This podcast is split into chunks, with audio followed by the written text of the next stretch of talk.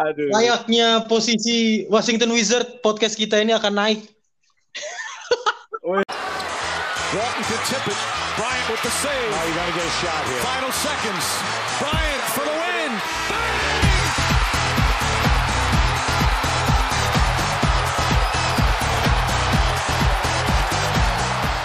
Uh, welcome back di episode 3 Memphis Family Basketball Podcast. Akhirnya episode 3 juga setelah beberapa minggu gara-gara duo so sibuk anjir. Sibuk ini. Karena jadwal So sibuk sama so host menuju tahun baru itu padat. Oh iya, Yoi.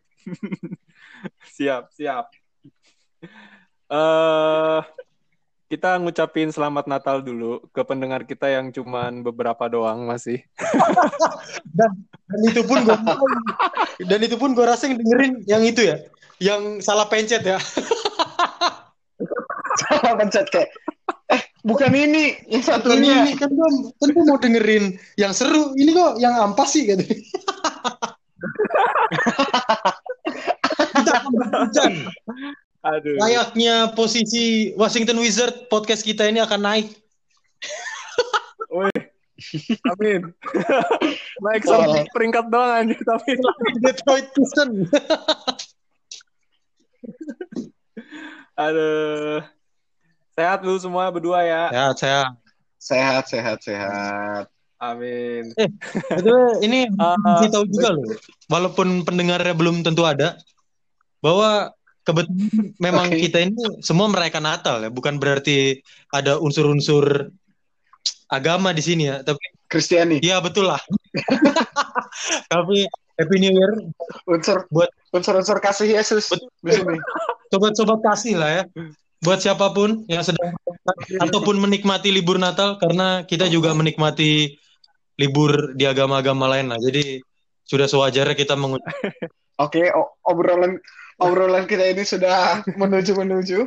Apa apa kita apa kita sekalian ini bikin podcast mencari domba yang hilang anjir. Kita podcast ini salah satu Lol.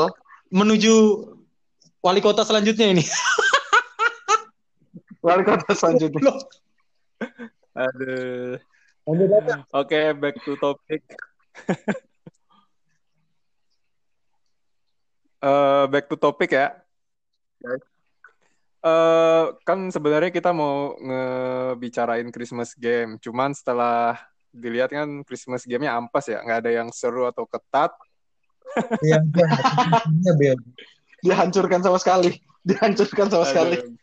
Jadi gue mungkin mau ini aja, eh, kita mau nge-review sedikit tentang beberapa tim, terutama yang per- di episode pertama kita cap bakal bermain buruk, gitu kan.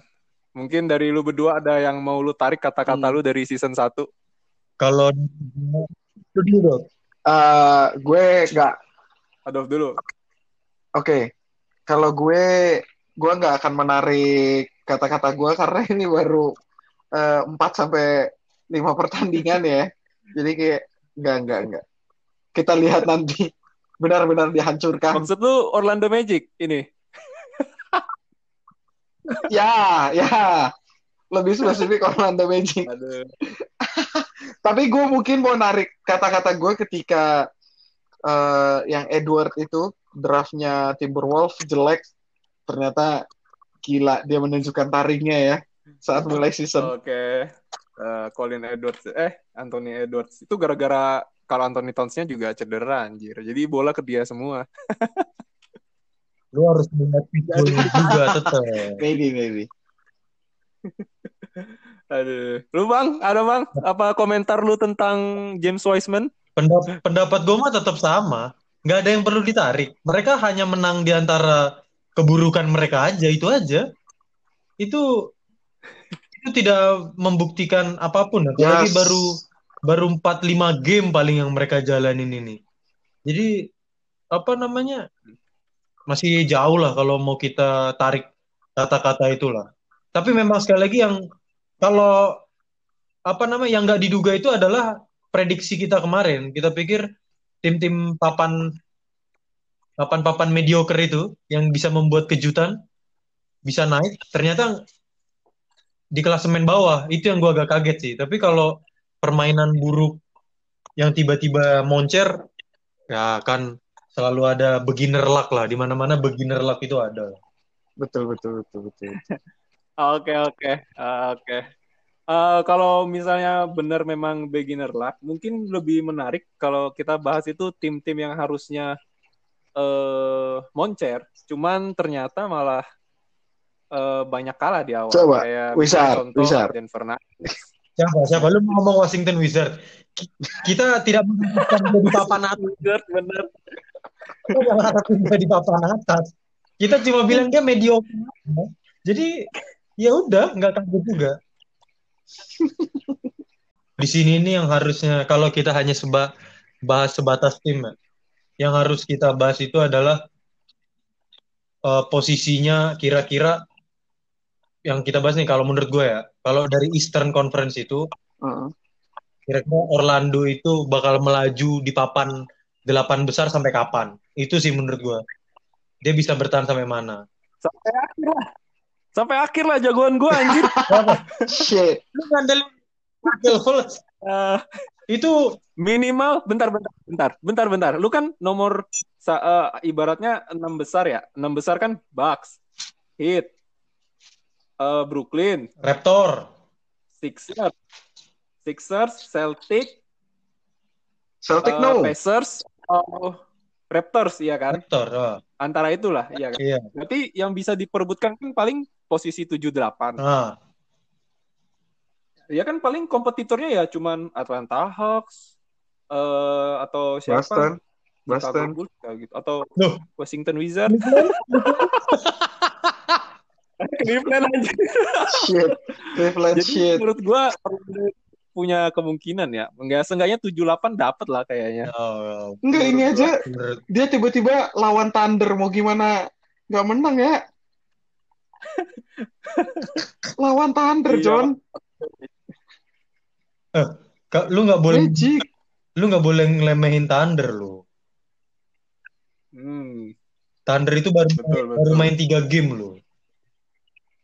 Kecewa gue Thunder tapi kalau kalau Wizard sih kayak oke oke oke gue gue setuju Orlando ada peningkatan tapi maksudnya ya butuh butuh bukti lah Dia lawan siapa aja sih? Eh, Thunder. Terus sama yang gue agak Wizard kaget dua. kenapa kenapa Heat bisa kalah sama Magic daduh pusing kepala gue Oh ya, itu game pertama.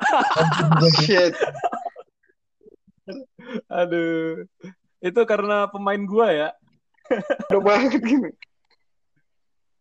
lol Aduh. Ah, kalau lanjut gitu ya eh bentar-bentar. ini kan karena temanya penghujung hari men- beda tahun yang kita bahas itu ya yang tadi kayak lu bilang aja yuk player-player yang akan Langsung bersinar lah di tahun ke depan. Yang bersinar dulu dong, yang bersinar dulu, player-player baru dong. Player baru ini mungkin bahasanya berapa masa masa itunya ya? Experience-nya. ya? Nah iya, jadi eh ini kan maksud gua kan kita kan mau tutup dekade ya, Iya. dekade 2010 sampai 2020 eh 2011 sampai 2020. Ah, Maksud gua gua mau eh diskusi bareng lu pada kayak yang pertama itu kita bahas player yang eh menurut lu tuh menurut kita bertiga masuk ibaratnya ultimate decade dari kita bertiga gitu loh. oh, Nah, terus baru selanjutnya kita bisa kita mikir buat yang nextnya Ultimate Decade yang 2021 sampai 2030 Hmm. Boleh, boleh. itu makanya gue bilang mungkin oldies dulu Berarti oldies dulu. ah biar nyambung bang Boleh, boleh. Bebas sih, boleh, boleh. Tapi pengertian oldies ini makanya harus kita batasin dulu. Misalnya status kayak pemain yang punya experience di atas lima tahun gimana? eh Eh, mungkin paling terakhir itu dia di draft 2014 kali. 2014 Jadi di bawah lima tahun. di bawah lima tahun. Eh di atas Di atas lima tahun, di atas lima tahun. Lima tahun dong. Iya, jadi mereka yang inilah yang cukup yang bagus lah di dekade ini gitu. Ya boleh boleh boleh boleh. Ngerti nggak Ngerti ya? ininya? Masuk ya? Si Adop nih ngerti apa enggak nih? Adop? nih, Dop. Aduh lagi ngulik-ngulik buka laptop. Orang-orangnya, orang-orangnya yang orang-orangnya yang gue lupa. Aduh. Aduh, aduh. Ya, Lima ta lima tahun tuh berarti angkatannya terakhir si angkatannya 2014, angkatannya Andrew Wiggin berarti. Wadaw. Cuman yang ini, yang Angkatan kalau kayak Andrew- misalnya contoh nih, eh, kalau nggak salah Nikola Jokic itu 2014 ya, kalau nggak salah. Jokic itu dulu berapa ya? Kalau nggak salah 2014 kan, eh, menurut gua. Kalau nggak salah, seingat gua. Tapi dia kan baru moncer banget kan 2018 anjir. 2018, 19 gitu kan. Jadi dia cuman punya Mirip cuman punya tiga tahun sama anjir gitu loh di sini. Iya. Nah, jadi menurut gua Jokic nggak masuk gitu. Oh begitu Yoki nggak mas. Berarti mending itu aja. Player berarti susah juga ya kalau berdasarkan experience ya. Kalau lu minta kalau lu mintanya Susah kayak. Jokic nggak masuk ke itu. Hmm, Gini aja draft draft tahun ini lawan sisanya kira-kira oh, maksudnya dalam arti yang di luar draft sekarang, di luar draft yang tahun ini ya, yang bagus-bagus Ya, atau gini siapa aja. gitu loh. ga- gampangannya Yang masih main. eh, ini kan lu bilang indicate kan, dekade kan. Berarti menurut pendapat masing-masing aja starting apa best five-nya masing-masing dari kita in dekade ini siapa gitu. Nah, Yang ya maksud gua yang gitu. yang pasti Yo, ya harusnya sebagai uh, leading podcast in basketball, gue. Masa pertimbangan kita terhadap best player indicate baru bocil pengalaman 2-3 tahun ya gue nggak tahu lah terserah kalian kalau mau masukin itu ke best five kalian ya kalau gue sih pasti punya pertimbangan lah ya intinya gitulah Oh ya, benar. Gitu aja. Benar kata Bang Dwi.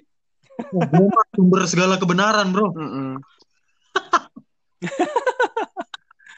Oke, oke. Langsung aja ya. Kita mulai dari yang eh, 2011 sampai 2020 dulu. Di point guard lu ambil siapa? kalau point guard siapa dulu nih yang mulai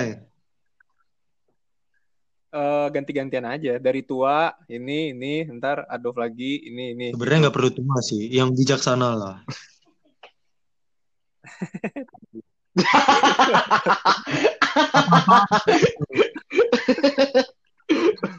Anjir, anjir. sebenarnya karena kan di saat lu bilang Oke. di saat lu bilang point guard ya sedangkan satu sisi sekarang banyak banget player PG sih PG tapi mainnya point guard sih enggak gitu. Gimana kalau gimana Iya, batasannya betul. langsung kita perjelas ya? Eh, ini guard eh, PG ya? PG, PG beneran PG ya? Bukan yang doyan ya paham kan? PG kan seorang point guard kan. Fungsi dari point guard kan ya masa harus gue jelasin sih gue gak enak lah sama sobat-sobat yang dengerin. Dikira kan gue ngajarin kan. Pinter gitu Oke. ya search Google lah Yang pure point guard maksud lu. Maksud lu. oke gue dulu ya Ah, oke gue kalau Oke. point guard indicate ini yang mau gue pakai adalah eh yang pensiun boleh kan em, Lah, dia kan di dekade ini. Enggak, enggak masalah ya? Maksudnya yang, Oh gitu. yang masih main 2000 kan dong dia seharusnya. 2010 Iya. masih main. 2011. Loh, tapi ya cuma satu dua tahun habis itu pensiun ya kagak masuk lah, Bang. Begitu. Berarti berarti masih active player ya? Iya, Yes, active player lah. Maksudnya kan pembicaraan kita kan supaya seru nih. gitu. Karena kan dia masih aktif, kita tahu track Oh, recordnya gitu, gimana ya. sampai sekarang. Masih hidup lah ya bahasanya ya. Lu mau sebut kita anjing? Shit. Ya, ya masa tiba-tiba gue bilang Skruder kan nggak mungkin.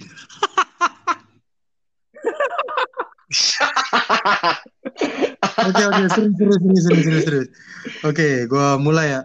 PG yang menurut gue uh, Indicate ini menempati posisi base five gue itu adalah ini agak berat juga pilihannya. Gue lari ke pilihannya banyak ya. Bentar bentar bentar. Give me time, give me time, give me time bro. Lu aja dulu dah. Ini Gua soal dulu berarti, pilihan gua dulu. Lu dulu. Gue, kalau dari gua, kalau secara even dia, maksudnya eh, antara PG dan SG ya, karena kan sekarang agak agak burem ya, maksudnya permainan NBA ini antara PG dan SG itu ya kadang suka tukeran, bahkan sampai SF pun bisa gitu. Kalau dari gue sih tetap gue James Harden. Point guard James Harden. Iya, Bro, kalau gue disuruh nempatin, gue James Harden. Gue menempatkan James Fix Harden base sebagai five point nya guard. Adolf. Oke. Base five nya Adolf udah kalah di awal ini. Kebanyakan stripper anjing, nge-strip anjing, kebanyakan ke klub anjing.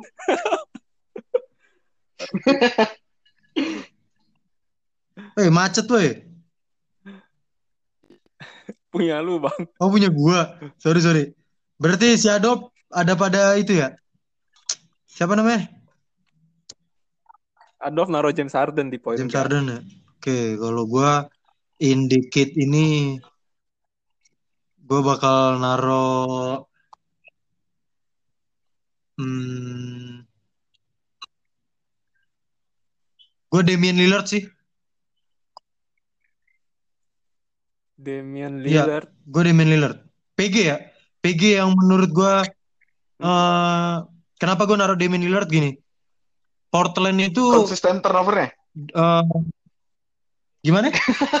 konsisten turnovernya.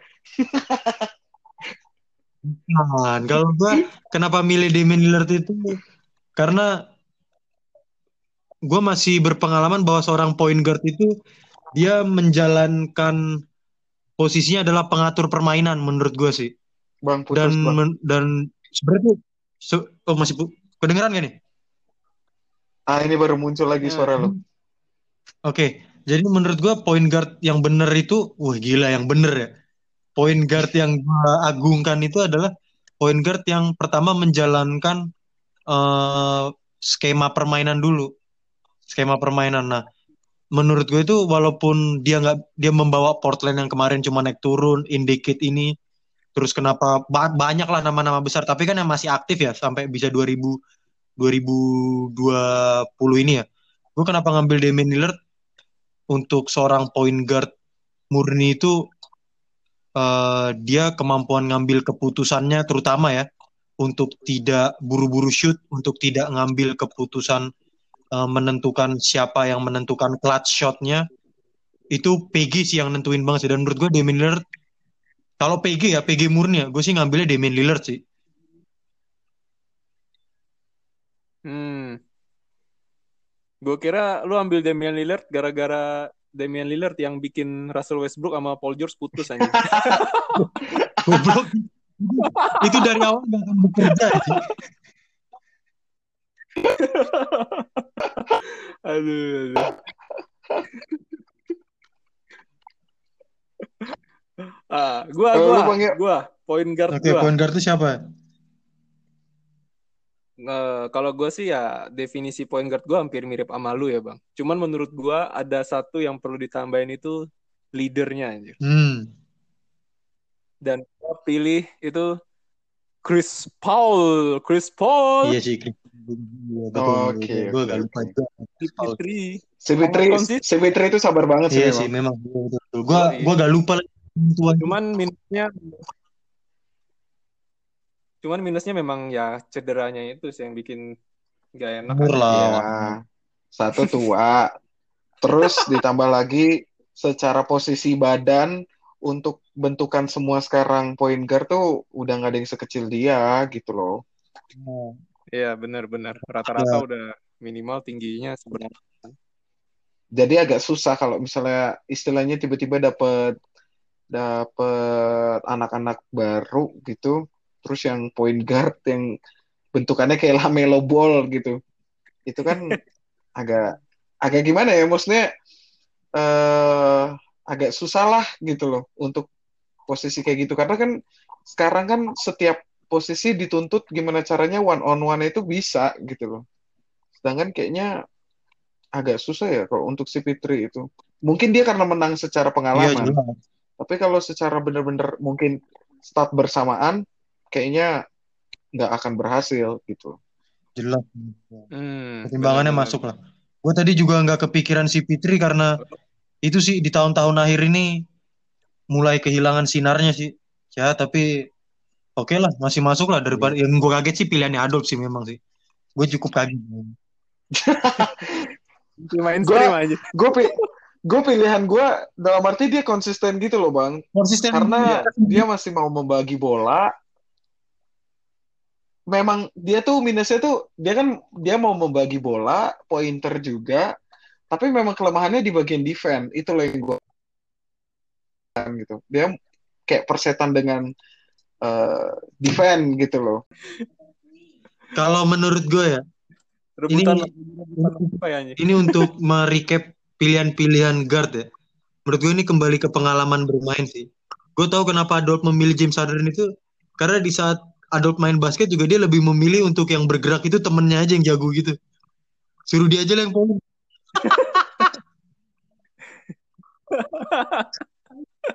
Aduh. Aduh. Cuman gue kaget nggak ada yang milih Stephen Curry ya.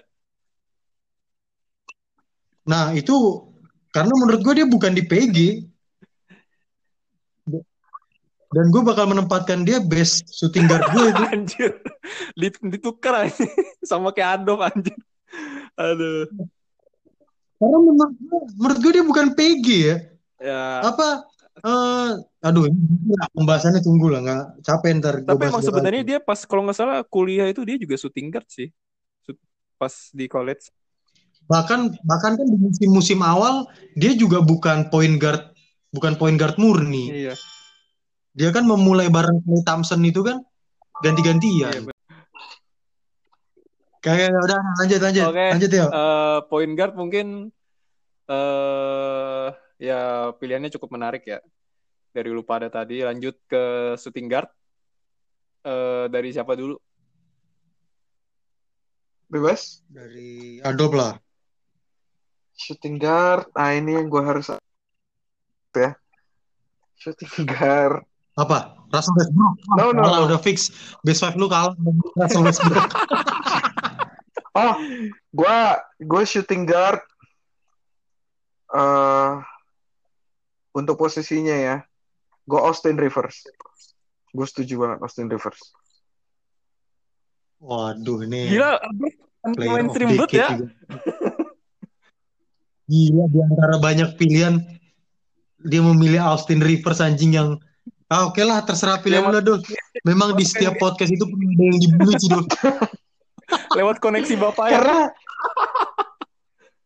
karena menurut gue agak gimana ya, agak eh Ya. ya butuh yang Ya. memang konsisten. Maksudnya gue gua nggak terlalu suka dengan yang apa ya dalam arti ada satu yang terlalu bersinar banget kayak misalnya Stephen Curry gitu.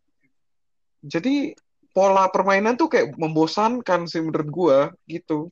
Nggak ada variasi jadinya. Kan lu Maksud lu maksud untuk membentuk Harden. Eh, bukan untuk cocok dengan Harden, cocok dengan berbagai variasi permainan. Anjir. Gitu. Oke, oke. Ah, Bang Di, shooting guard. Kalau gua udah jelas lah pilihannya shooting guard gua of the decade ini gua akan berikan kepada Steph Curry lah, nggak mungkin lagi siapa lagi. Gue udah jelas Steph Curry, gue pasti menjatuhkan ke dia. Untuk reasonnya kenapa, ini kan membentuk best five ya, best five player of decade menurut gue ya. Hmm. Tapi makanya tadi, ini kan best five ini eh, apakah kita harus melihat best five ini kan berarti kan tidak sekedar milih oh ini yang the best ini the best di posisi menurut gue tapi ketika gue bentuk best five itu kan memang terjadi harmoni ya. Iya. Kenapa gue tidak menjatuhkan Steph Curry di PG tapi Dame Lillard sedangkan shooting guardnya malah gue taruh ada nama Steph Curry itu menurut gue udah udah pas banget. Kenapa dia posisinya Steph Curry shooting guard? Tadi udah sempat gue jelasin sedikit eh, sama Rio tadi waktu lu sempat eh, menghilang dok. Oke. Kalau Steph Curry itu pada awal dia main itu dia itu bukan seorang point guard murni. Iya. Dia, Dia itu shooter. shooting guard pada mulanya. Bahkan dia shoot. Dia shooter shooter dan ya. itu pada awal, awal musim dia bergantian sama Klay Thompson dulu tuh. Dia bukan dia itu yang tiba-tiba moncer aja sebenarnya bukan kemampuan PG-nya ya, tapi dribbling skill-nya. Artinya eh Curry itu dilengkapi dengan kemampuan untuk scoring dan itu yang diperlukan seorang shooting guard. Betul. Di luar dia harus three point ya. Dia harus di luar eh, apa bukan bukan sekedar two point play ya, tapi kan three point play. Dan itu memang ada di Steph Curry. Cuma kebetulan dia moncer itu bukan moncer lah. Dia kan bener-bener menjadi big guy eh, apa namanya big guy in decade ini kan yang karena kita lihat eh, tiba-tiba dia apa namanya eh, passing-passing indahnya. Sebenarnya passing indahnya juga itu bukan passing indah sih hanya sekedar sekedar kayak Lamelo Ball sih main main-main aja. Tapi poin penting dari Steph Curry itu clutch shotnya itu ada, pengambilan timing keputusannya itu ada, terus jarak tembak dia itu yang ada. Itu menurut gue kenapa gue ngambilnya Steph Curry dan bukan sebenarnya Klay Thompson itu juga namanya agak sulit untuk gue hindarin ya, Mm-mm. untuk gak gue taruh di SG. Tapi dengan untuk mencocokkan seorang tadi yang gue bilang ya, membentuk base five yang kita mau di podcast kita ini kan bukan sekedar siapa yang poin terbanyak Betul. menurut lu, tapi membentuk harmoni timnya. Menurut gue kenapa ada Steph Curry, eh gue menurut gue Steph Curry itu salah satu orang yang tahu juga kapan dia mengambil clutch shotnya eh, menjadi seorang shooting guard itu. Karena dia tahu banget setelah lama menjadi seorang point guard, dia tahu kapan harus menjadi SG yang sejati sama enggak. Itu kenapa gue naruh Steph Curry di shooting guard eh, of the decade ini. Hmm. Oke. Pertanyaan gue satu sih bang. Apa itu? Defense-nya gimana ntar? Dia Mama Kuri. Nggak bisa defend ya. Tenang. Totally zero. yang bilang nggak bisa defend. defend di defend menurut gue ya rata-rata tuh orang tuh ngelihat guard-guard itu yang mengerikan tuh defense-nya seolah-olah kayak Patrick Beverly terus kayak eh, siapa lagi ya Eh, Russell Westbrook kan menurut gue juga nggak nggak banget Enggak, lah enggak Russell Eh, sih. terus defense-nya Di defense ini bang. defense-nya Siapa yang menyebalkan itu? Yang dulu di Pacers terus sekarang bahkan di Lakers. Oh ini Lance Ya. Stephenson. Yes. Defense defense menurut gue defense-nya seorang guard karena kan ya itulah kalau kita kan masing-masing punya pengalaman bermain guard itu tidak diharuskan menciptakan peluang defense-nya murni steal murni dengan rank Ah. ya. gue tahu banget Damian Lillard itu rank shootingnya seberapa jauh dilengkapi dengan Curry clutch shootnya mereka tuh tahu perimeter defense mereka tuh cepet sekedar perimeter defense menurut gue guard itu harus mampu gitu loh. Tapi kalau untuk steal sebagai menurut gue masih ya come on lah Russell Westbrook juga stealnya banyak banyak banget bro. Cuma dia aja menurut gue nggak nggak akan gue tempatin di posisi sekedar gue taruh itu. Menurut gue sih eh, poin gue menaruh mereka dua di sini perimeter defense seorang guard itu yang penting dia tahu dulu eh, di mana dia harus memposisikan eh, defense da- dalam apa namanya skema skema man to man. Karena kan rata-rata NBA kan skema man to man ya, bukan skema In- Indo. Iya. Ah, Asia kan 23. 23 atau 32. Betul. Kalau gue itu Hmm. Oke, nggak apa. Nanya doang. Kalau lu Gue Bang Yo? shooting guard ya udah disebut Bang Dwi sih. Clay Thompson anjir, nggak perlu banyak dribble anjir. Ya, itu juga. Ball banget. Itu bener-bener murni shooter banget. Iya, betul, betul. Iya, dia shooter murni. Tapi masalahnya dia kalau dapet point guard yang PA, pusing dah kepalanya. Lah kan point guard gue Chris Paul. Betul, betul. Iya, cocok banget sih. Cocok banget sih. Kalau Chris Paul sama Klay Thompson sih Wah itu. sebuah enak. kolaborasi ya. Iya bener. Enak banget. Nggak ada yang perlu banyak dijelaskan Oke, kenapa oke. milihnya Clay Thompson aja. Ya, Klay Thompson Oke, nggak nggak diragukan. posisi Lanjut, lanjut. posisi tiga small forward. Small forward. Siapa yang mulai nih? Lu dulu lah, yo. Gua, Ya, gua small forward, gua bakal taro eh gua udah ada Clay Thompson, Chris Paul. Gua perlu scorer lagi. Kevin Durant. Tuh, itu mah udah nggak diragukan lagi. lah kan katanya all team dikit anjir. Boleh, Iya. Boleh. Boleh. Kevin Durant ya sebenarnya ya. Boleh lah. Karena kebetulan komposisi Oke lah. komposisi tim dia memungkinkan Kevin Durant untuk solo play sih. Tanpa adanya Bener. Iya, untuk option untuk opsional juga kalau memang ma- dua bermain itu Klay Thompson dan Chris Paul itu mandek, solusi banget sih Kevin Durant. balik malah. Nanti ketika KD udah masuk ke starting five-nya si Rio ya, yang terjadi itu ketika mandek, dua player itu yang bekerja. Karena sampai sejauh ini bullshit lah kalau lu bilang pola permainan tim yang ada Kevin Durant itu memainkan seorang KD itu menjadi opsi kedua itu enggak. Memainkan KD itu opsi pertama. Opsi kedua dan ketiga adalah Ya. so-so itu. Tapi kalau lu lihat Bang kemarin Warrior itu kemarin polanya gitu loh Bang, kedua loh. Bahkan Siapa? Si KD.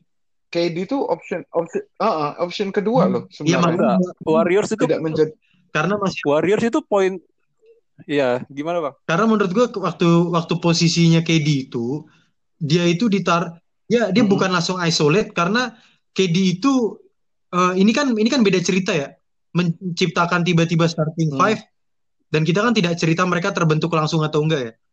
Tapi kemarin tuh KD masuk adalah ke sebuah tim yang sebenarnya KD itu tidak masuk menjadi SF menurut gua.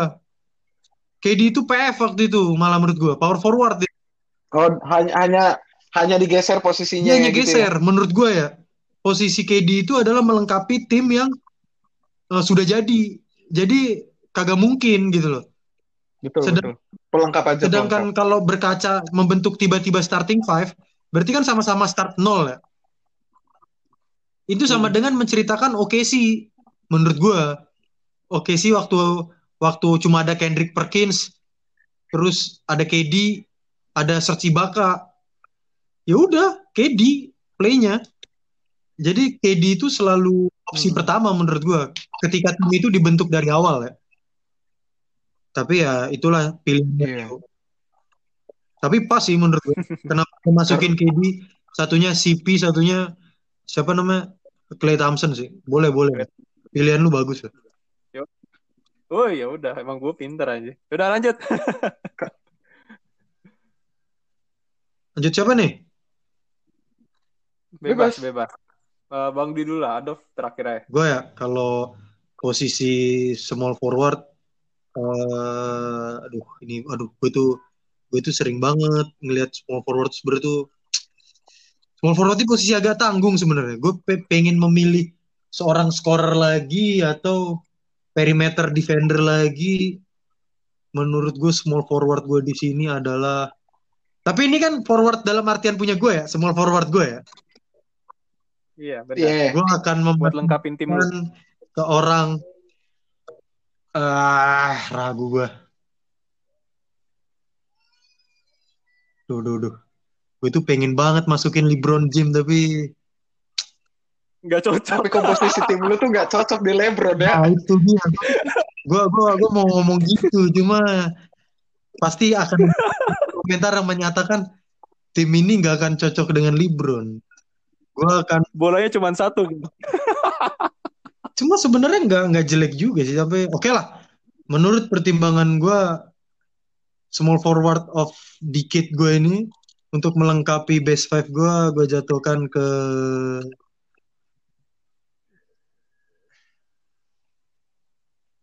Coba. aduh aduh aduh Krik krik. aduh aduh, aduh.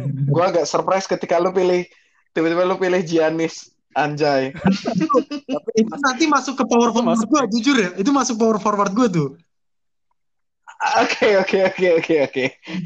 Udah di booking duluan coba. ya bukan di booking soalnya gue butuh satu power play di situ yang sampai sekarang masih aktif berarti untuk small forward hmm Who? Aduh aduh berat nih kayaknya Demar Derozan dah gue Oh. Ah. DeMar DeRozan. ya gue Demar deh Demar itu bukan pemain dia dia clutch play-nya tidak tidak melebihi dua player yang gue sebut sebelumnya defense-nya ada transisinya ada menurut gue dia bisa melengkapi posisi perimeter defense yang gue perluin sama perimeter offense seorang small forward untuk base five gue tapi ya walaupun sebenarnya gue pengen banget ada LeBron. James di tim gue jujur ya. tapi gue akan memasukkan eh DeMar DeRozan untuk small forward gue Oke, make sense, make sense. Bener. Lu perlu ini sih. Udah ada dua shooter, nggak begitu perlu ini lagi. Iya, gue cuma perlu perimeter offense sama defense aja, yang bantu offense sama defense. Lanjut. Oke. Adolf, Ya, one and only lah LeBron James. Oke, tim karena semakin gak menemukan komposisi aja gue lihat.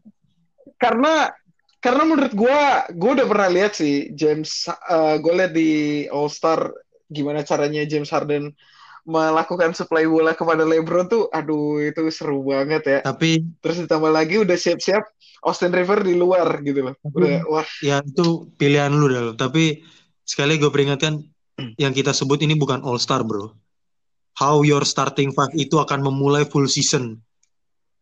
Gue yakin betul dan gua LeBron James dengan LeBron tapi oke lah karena gue juga seorang LeBronisme gue percaya LeBron itu keputusan yang tepat lah untuk menempatkan James Harden di mana ya masih make sense karena Iya. karena bang karena gue karena gue ngerasa gini bang eh sama kayak kejadian Irving sama LeBron ketika ada eh si Alpha yang memang lebih eh, maksudnya Alpha di atas Alpha ya pasti James Harden itu gimana caranya untuk melakukan gue supply bola dulu ke LeBron dibanding gue scoring gitu loh itu sih Hmm. jadi kayak eh, Jadi gitu. mungkin seorang Irving itu tiba-tiba main sendiri ketika dia ngeliat ada LeBron gitu ya Oke, pertimbangan lu boleh lah Nah, bisa jinakin. walaupun kayaknya impossible sih buat gue ya masih Ya, agak masih susah sih. Kecuali power forward sama center Adolf mendukung berdua itu ya. Iya. Itu masih challenge sih menurut gue. lanjut Bang. Oke. lanjut. Power Posisi forward. 4, power forward. Silakan Bang, lu tadi udah nge-booking duluan. Gua jelas lah, nggak perlu gua nggak perlu kalian pertanyakan lagi. Gua akan menempatkan Yanis Antetokounmpo di power forward gua. Alasan gue simple, Eh. Yanis itu eh apa namanya? Lu nggak bisa bohongin secara fisikal dia, dia itu apa namanya? eh memang di atas rata-rata. Itu untuk seorang power forward dia di atas rata-rata untuk melengkapi tim gue ini, gue cuma perlu eh, scorer yang bisa ngedrive, yang bisa defense, bisa blocking, bisa memberikan open space di saat perlu, dan itu ada di Yanis. Dan ketika gue lihat, sekali lagi yang gue suka dari tim gue sekarang ini adalah gue punya dua shooting guard, yang range shooternya jauh, itu akan membuka peluang jelas untuk Yanis main in inbound play-nya itu akan mudah banget buat dia nanti inside play-nya dia akan punya space cukup besar. Apalagi untuk langkah gajah dia itu. Gue yakin Giannis itu menempati posisi power forward yang tepat buat eh, best five decade gue sih. Gue naruh Giannis saat ini. Oke. Di luar shooting three point play-nya ya ya come on lah jangan gue sih nggak berharap jauh juga seorang power forward harus bisa three point play ngeri enggak lah. Gue cukup dia bisa rebound, block, perimeter defense-nya perfect. Menurut gue Giannis Giannis gue tempatin di situ sih. Tapi nggak akan tabrakan tuh bang sama ini bang, Siapa? sama si Fitri. Kok si Fitri sih? Eh sorry, sorry sorry, sama Damian Lillard itu agak membingungkan juga ya. Menurut gue sih enggak, karena tadi yang gue bilang, Damian Lillard itu sebenarnya dia point guard murni. Dia jarang banget mengambil keputusan untuk mencoba ngejar poin Sikat sikat langsung gitu ya. sikat langsung tuh dia jarang banget. Dia mengutamakan, ingat gak waktu Damian Lillard itu eh, masih sama, aduh siapa sih suternya itu? Gue lupa lagi. Siapa? Ini lama Aldridge, Satunya lagi, se- eh, sorry, SG-nya SG.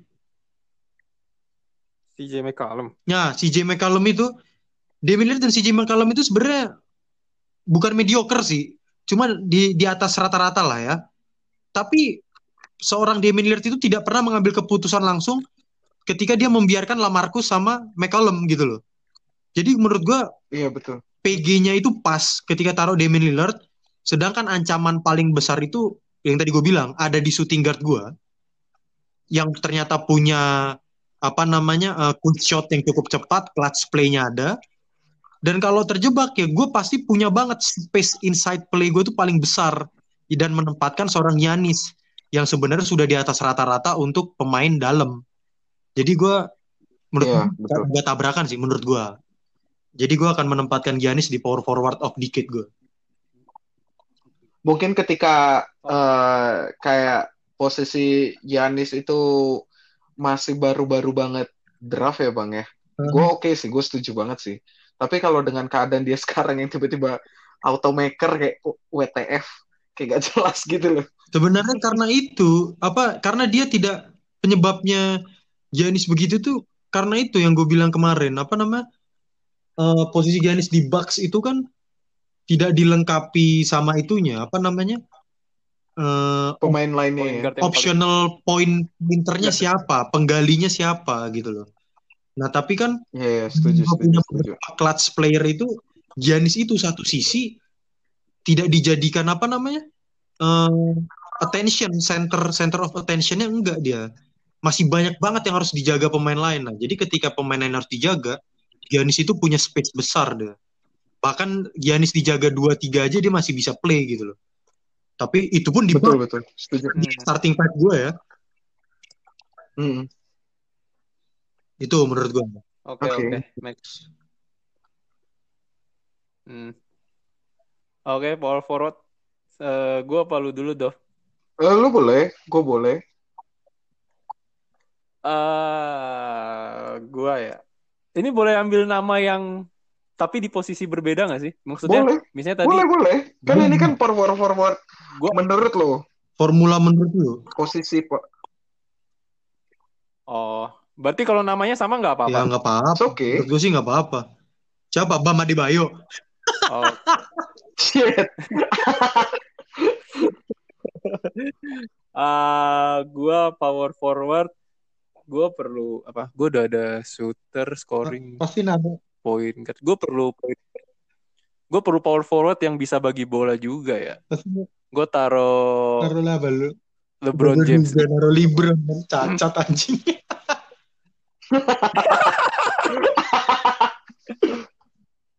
Enggak, enggak, enggak, enggak, enggak. Bercanda gue. Gue Black Griffin sih. Power forward gue. Ah iya. Untuk posisi tim lu ya. Untuk posisi tim lu ya.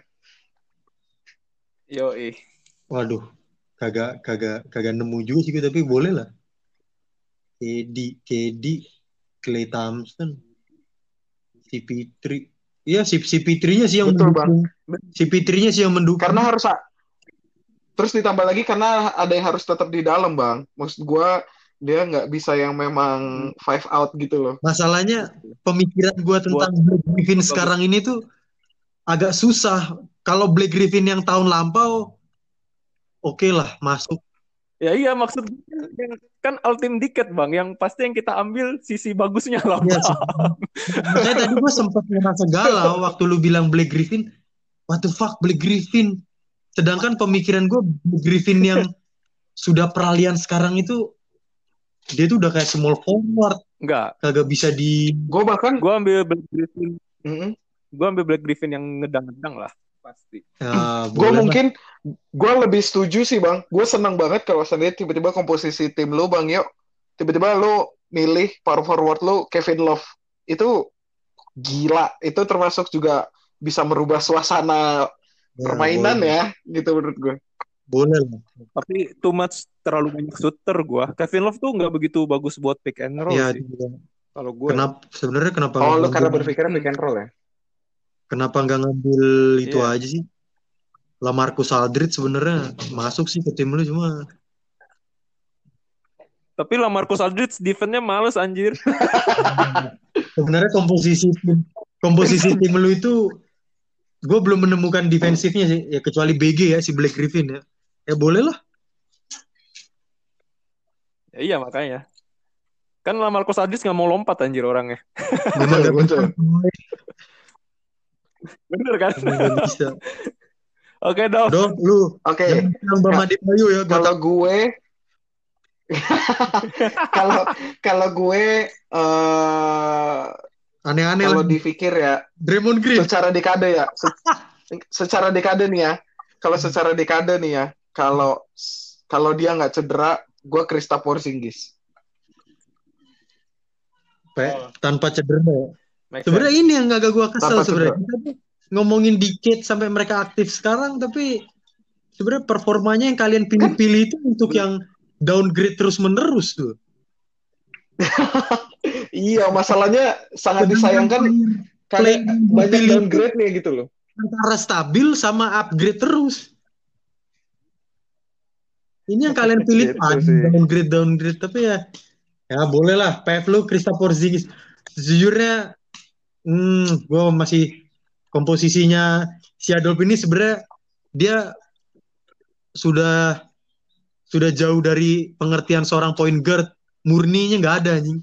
Gue tuh udah gue ngebaca gue sih ngebaca arahnya. Arahnya itu adalah LeBron James akan bermain di all position dengan menempatkan no no no. Harden sebagai full shooting, Austin River cadangan, Krista Porzingis yang sebenarnya defense-nya B aja juga menjadi pemain dalam yang helping helping tapi ya ya udahlah dok.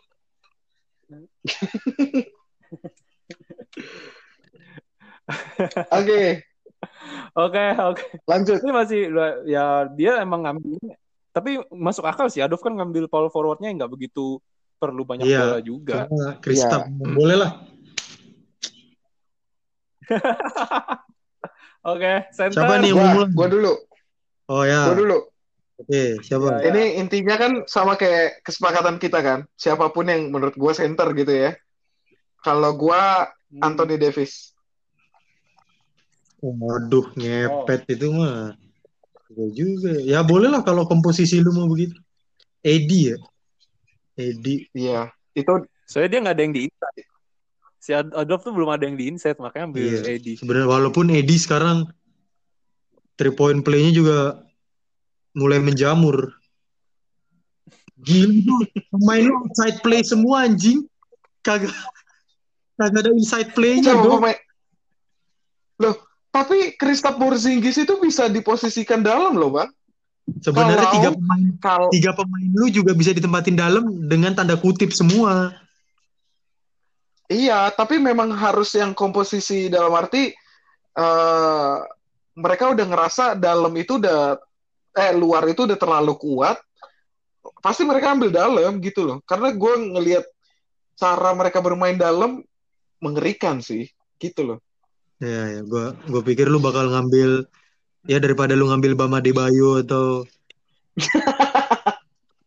atau Bismarck Biombo jangan lah. Iya, Bu. Kalau lu Bang, center? gue ya, gue ya center ya.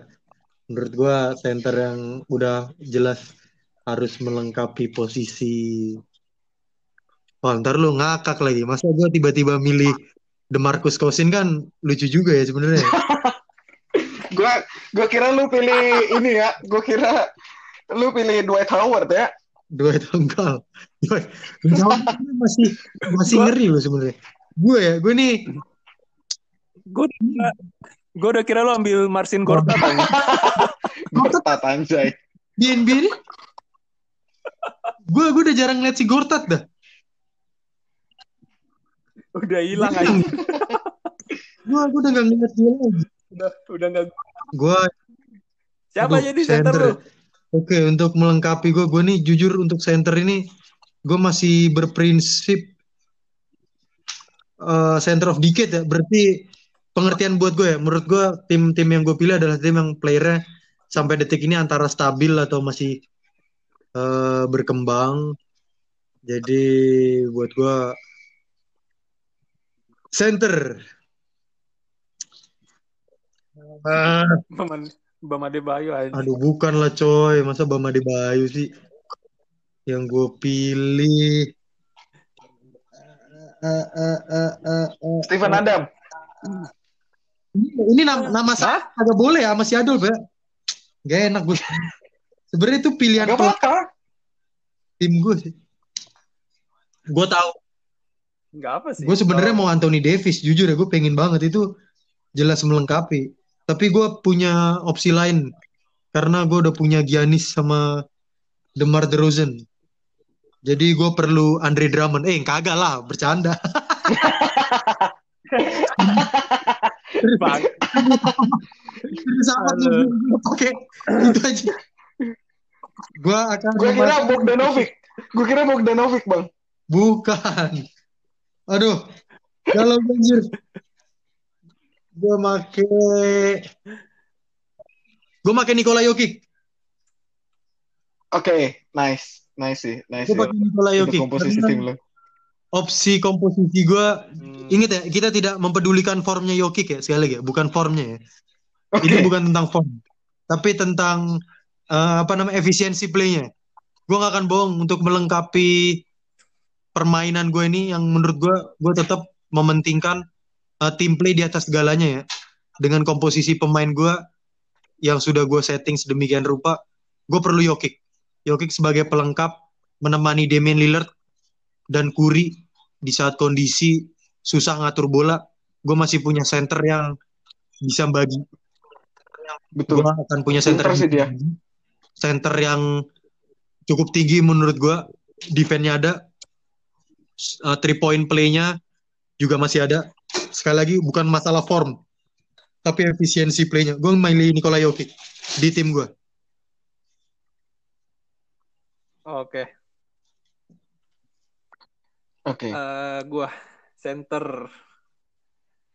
Eh, ini kan ya kita milihnya kan yang dia masa keemasannya di emang Iya, di betul. dekade ini kan. Tapi kan masalahnya kalian kan beberapa player yang kalian pisahkan dengan senaknya, tiba-tiba kalian memilih masa-masa mereka berjaya, sedangkan di akhir-akhir ini mereka mulai merosot. Ya cuman Hancur. Iya betul betul. Salah. betul. Maksud gua kan yang lu ada yang lu pilih juga kayak Dem juga kan baru kelihatan 2015. Tapi kan dia 2016. semakin ke sini stabil, makanya gue bilang dia stabil. Dia stabil membawa tim ke delapan Ya, iya. besar, udah itu aja. tapi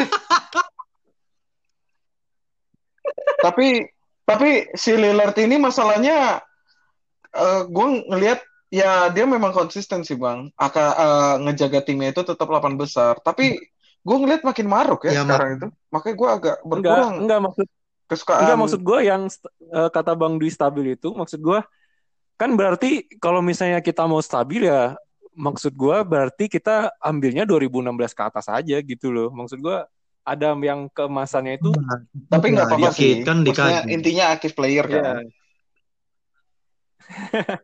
Mm-mm. oke lah oke. Jadi lu gimana bang? Bang Yo? Center gua udah punya tenaga Gue yakin lu ngambil forward ya. Drummond Hmm, Lu, kayaknya ngambil Apa? Andre Drummond sih. atau Atau- Al Horford, atau Al. DeAndre Jordan. gua ambil gua ngambil center gua itu Mark Gasol sih. Margasol.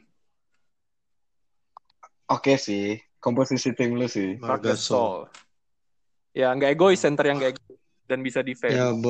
Sebenarnya Margasol defense ya so-so sih. Tapi ya at least Wih, defensive player loh. Lu jangan salah anjir. gue pikir lu bakal ngambil Rudy Gobert tadi. sebenarnya kalau lu lengkapin dengan Rudy Gobert sih defensif.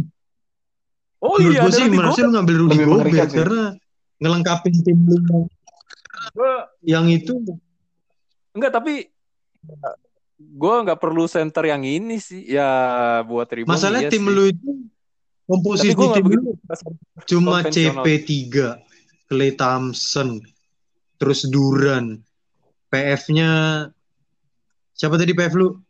Lupa gua. Black Griffin. Karena dari komposisi tim lu sih sebenarnya akan menuju isolate banget.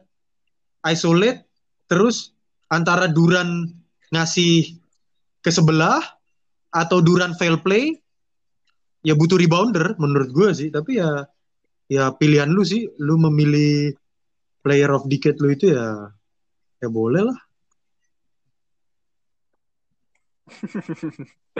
Gue kira Lopez sebenarnya bersaudara.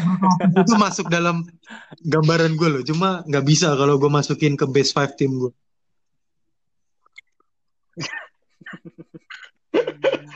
Oke, eh, kalau gitu berarti eh, starting five decade kita buat yang dekade 2011 Cukup lah.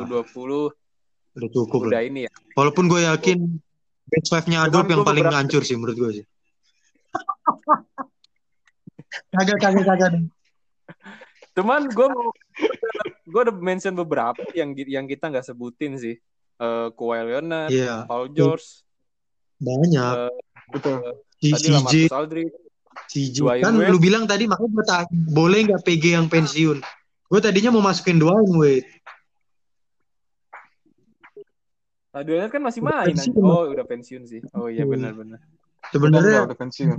masih banyak nama-nama lain yang bagus itu kayak itu Jared Dudley